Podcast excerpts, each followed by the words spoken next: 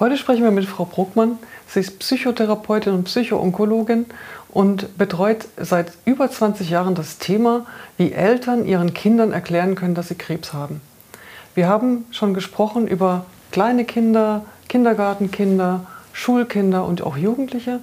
Und jetzt wollen wir uns aber noch mal das Thema anschauen, wie ist es denn in den unterschiedlichen Stadien der Krebserkrankung? Ich meine, am Anfang ist es immer relativ einfach, dann gibt es das erste Stadium, das ist nämlich nach der Diagnose. Und äh, da eben die Frage, wie Eltern am besten da ihre frische Diagnose den Jugendlichen oder den Kindern kommunizieren sollten. Also Sie sollten es klar sagen, mhm. Sie sollten das Wort Krebs benutzen. Okay.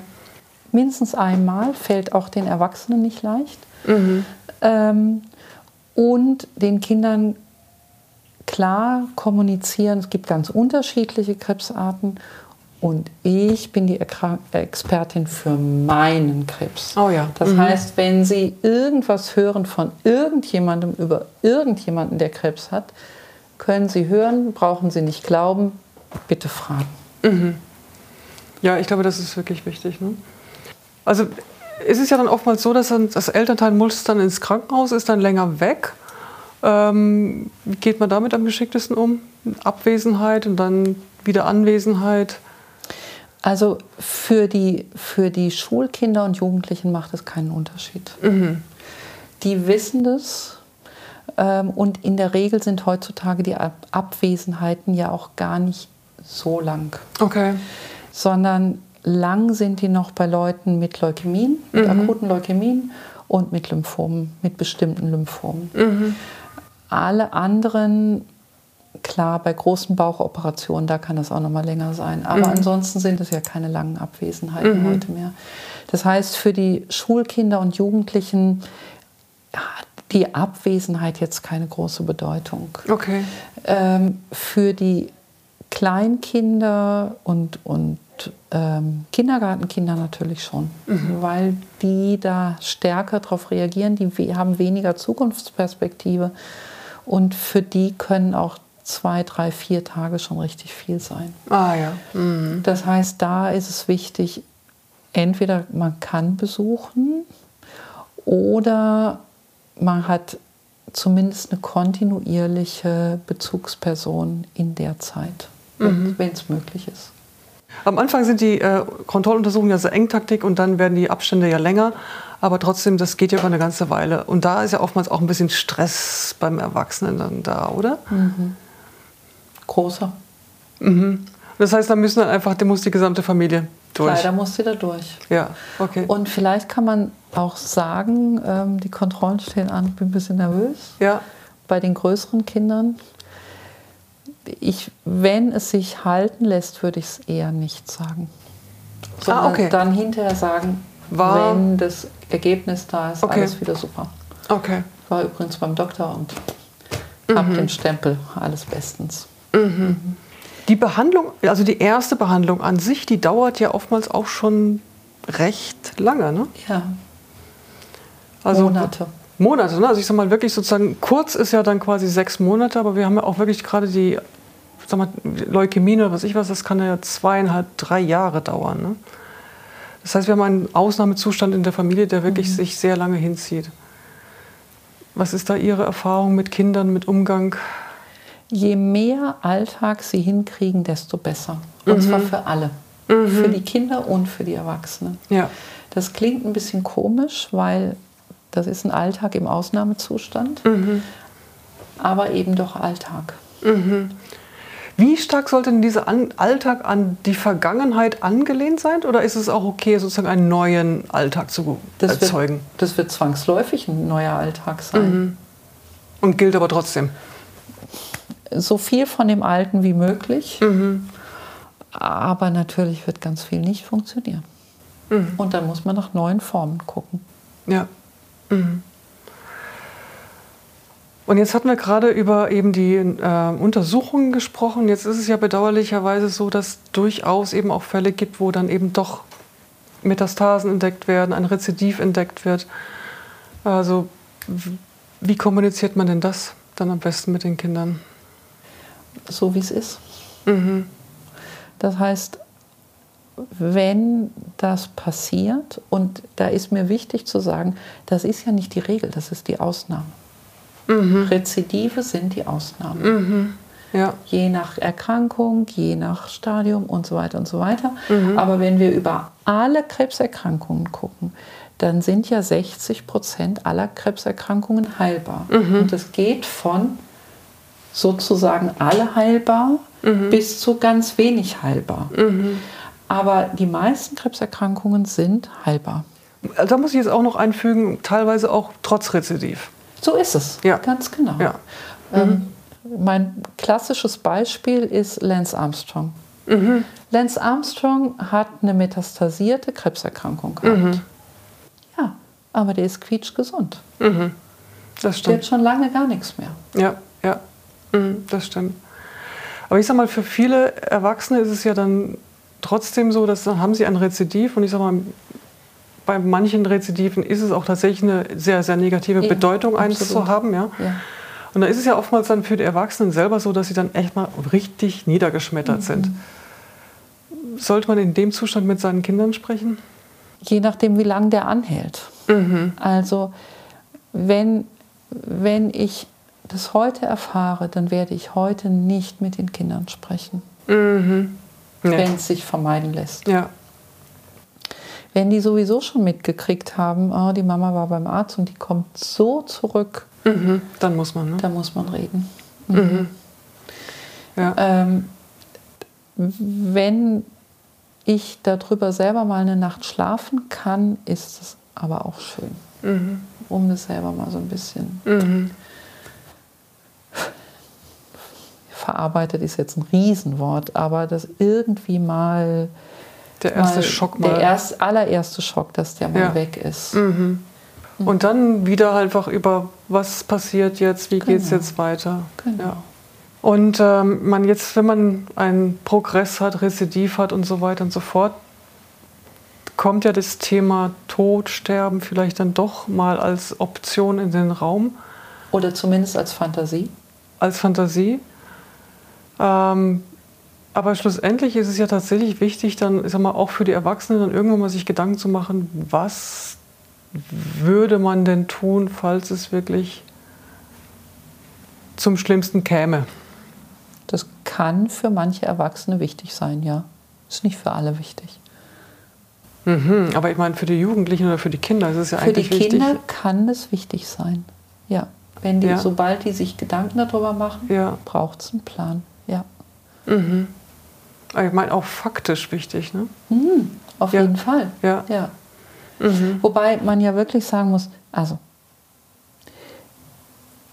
es ändert nichts daran, ob darüber vorher geredet wurde oder nicht. Mhm. An den Fakten. Ja. Das heißt, wenn eine Familie da gut mit zurechtkommt, mhm. und zwar alle, das wir den Tag so nehmen, wie er ist und heute stirbt die Mama nicht, dann machen wir auch keinen Plan. Mhm. Wenn alle da fein mit sind, mhm. bin ich da auch fein mit. Mhm. Sobald irgendjemand das Gefühl hat, oh, da mache ich mir aber Sorgen und was wird denn dann? Mhm. Dann braucht es einen Plan. Eine Person reicht. Mhm. Und zwar egal, wer das ist. Sozusagen neben der emotionalen Verarbeitung ist ja oftmals auch wirklich dann eben das Thema, also rechtliche Situationen. Ne? Mhm. Ähm, keine Ahnung, also klassisch gibt es zwei Eltern und die sind verheiratet und so weiter und so fort. Aber nicht klassisch das ist ja oftmals nicht mhm. so, ja. Also zum Beispiel die Eltern sind nicht verheiratet oder sind gerade frisch geschieden oder gerade im Prozess des sich scheiden zu lassen, was ich was. Muss man dann auch sich einfach um die rechtlichen Themen dann mal kümmern? Nein. Nee. Schlicht und ergreifend. Nein, muss man nicht. Okay. Wenn ein Elternteil stirbt, kriegt ja. automatisch das andere Elternteil, egal wie der Familienstatus ist, die, ähm, das Sorgerecht. Ah, okay. Punkt. Ach, tatsächlich. Also auch wenn man geschieden ist und so weiter und so fort. Völlig alles. egal. Okay. Was eher manchmal ein Problem ist, mhm. weil wenn die Kinder zu dem anderen Elternteil keinen oder einen schlechten Kontakt haben, mhm hat der trotzdem das Sorgerecht. Mhm. Und es ist nicht einfach, das wegzunehmen, wenn der andere Elternteil das haben will. Mhm. Mhm. Wenn es also tatsächlich Gründe gibt, warum ein potenziell absehbar vielleicht auch sterbender Elternteil nicht möchte, dass der andere Elternteil das Sorgerecht kriegt, weil Alkoholismus, Gewalttätigkeit, Uiuiui. ähm, Mhm. ja, haben wir alles gehabt. Ähm, Unzuverlässigkeit, keine Ahnung, irgendwas, dann muss diese, der le noch lebende Elternteil Kontakt mit dem Jugendamt aufnehmen und macht, bespricht es mit dem Jugendamt, so und so und so ist die Situation. Und deswegen hätte ich gerne, dass mein Kind mhm, zu den Großeltern kommt, zu einer Freundin kommt, zu einem Geschwister kommt, keine Ahnung. Also, aber das muss vorher mit dem Jugendamt kommuniziert sein. Und wer, muss das dann gerichtlich durchgesetzt Ja, werden? tatsächlich. Ah, okay. Mhm. Nicht unbedingt vorher, aber in der Situation. Mhm. Ähm, die Kinder selber werden gefragt. Ähm, ab 15 wird es auch einfacher, weil die dann, wenn die nicht zu dem überlebenden Elternteil wollen, auch zum Beispiel in die Jugendwohnung können. Ah, okay. Aber bei den etwas kleineren, das ist ein Kampf. Und in der Situation, wenn jetzt eine al- alleinerziehende Person da ist, wie ist es denn dann? Da wäre die erste Frage, gibt es trotzdem einen Vater, der die Vaterschaft anerkannt hat? Dann würde das Kind auch dann dahin kommen. Wenn nicht, dann würde, dann würde, also ein Vormundgericht würde sowieso damit eingeschaltet, egal wie. Ähm, und der würde, äh, die Richterin würde dann gucken, gibt es andere in der Familie, die das Kind nehmen wollen oder würden? Hat äh, der verstorbene Elternteil sich irgendwie geäußert, wo das Kind hin soll? Und im alleräußersten Notfall wird es auch in ein Heim kommen. Oh mein Gott, okay. Ja. Also wenn es sonst wirklich nichts gibt, wäre das die Notfallvariante.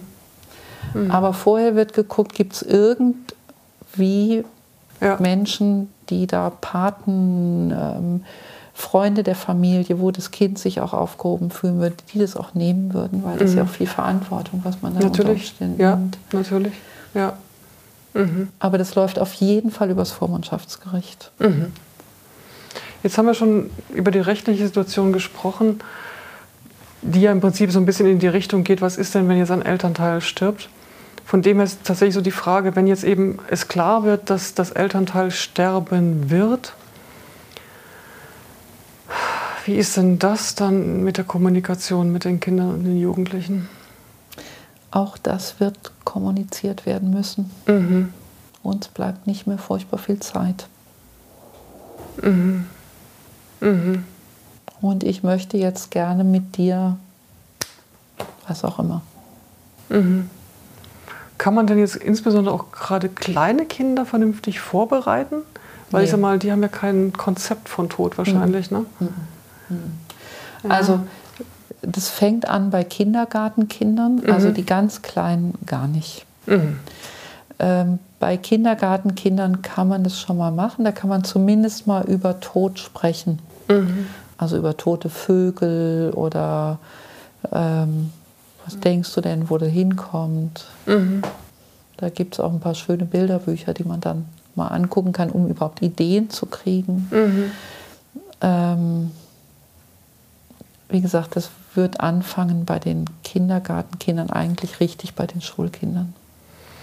In so einer Situation, wenn es, also ein Elternteil ist wirklich jetzt sterbend, würden Sie sagen, dass es dann quasi automatisch notwendig ist, nochmal Experten, also Psychoonkologen oder so zu involvieren oder eigentlich nur, wenn sich da irgendwas andeutet, dass es notwendig wäre? Genau, also nein, brauchen braucht man nicht. Man kann. Ähm, also in allen Krankenhäusern gibt es ja Kolleginnen und Kollegen. Ähm, auch die Hospize arbeiten oft mit Psychologen oder auch mit, mit geschulten anderen Leuten zusammen. Müssen muss man gar nicht. Also es Also gibt Sie- viele Familien, die das wirklich super gut machen. Und wo die Kinder das dann einfach auch, ich sag mal, erleben und ja. Mhm. Mhm. Und das, also das Wichtige, glaube ich, ist an der Stelle, dass die Kinder ein bisschen vorbereitet sind mhm. und dass die normalerweise, also dass der Plan ist, anschließend auch Abschied nehmen. Vielleicht auch beim Sterben dabei sind, weil das ist ja in der Regel sehr unspektakulär. Mhm. Ähm, und wenn die eine gute Begleitung haben, dann geht es prima. Nicht zwingen, aber einladen. Mhm. Ähm, und an der Stelle ist wichtig, dass die eine Person haben, die mit ihnen rausgeht, wenn sie rausgehen wollen. Ja, absolut, ja. Und mhm. zwar eine Person, die nicht unmittelbar selber involviert ist. Also wenn der Vater stirbt, dann ist nicht die Mutter da, mhm. sondern die ist mit sich selber beschäftigt. Und dem Vater, ja. Genau. Mhm. mhm. Und sondern mhm. dass es dann, keine Ahnung, eine Tante gibt, mhm. die dann das Kind nimmt und mit ihm rausgeht. Das ist jetzt sozusagen die Idee, das wäre in einem Krankenhaus oder im Hospiz oder so, ne? Genau. Ähm, Gilt auch für zu Hause. Ach so, okay. Mhm. Auf jeden Fall, dass das Kind dann nicht alleine vor der Tür ist, auch selbst zu Hause genau. nicht. Selbst zu Hause sollte das Kind nicht alleine vor der. Wenn es allein sein will. Ja, okay. Und ich muss jetzt mal in meinem Zimmer sitzen. Okay. Mhm. Alles gut. Mhm. Aber dann so ein bisschen, dass irgendjemand Gewehr bei Fuß steht. Mhm wenn ich da jetzt größeres Schluchzen höre, dass ich zumindest mal reingehe und gucke, ob da jemand in den Arm genommen werden könnte. Mhm. Mhm. Und wenn jetzt das Elternteil verstorben ist, gibt es ja immer noch sehr, sehr unterschiedliche Ansichten darüber, ob das Kind den Toten sehen oder die Tote sehen sollte oder nicht. Unbedingt. Unbedingt. Unbedingt. Mhm. Es gibt ein ganz paar Ausnahmen, mhm. nämlich dann, wenn jemand sehr entstellt ist. Also eigentlich eher nach Unfällen als jetzt nach. Ja, also wenn jemand lange auf der Intensivstation beatmet worden ist. Ah, okay, dann. Hm, schwierig. Okay. Schwierig. Mhm. Wer da, kann einem da, also die Ärzte, die wissen das dann, ne? Mhm. Mhm. mhm. Und ich glaube, also die der überlebende Elternteil oder die sind dann ja trotzdem da oder die Angehörigen. Und mhm. die Erwachsenen, die haben auch einen Blick dafür. Mhm. Ist das jetzt was, was noch, was nach der Mama oder dem Papa aussieht?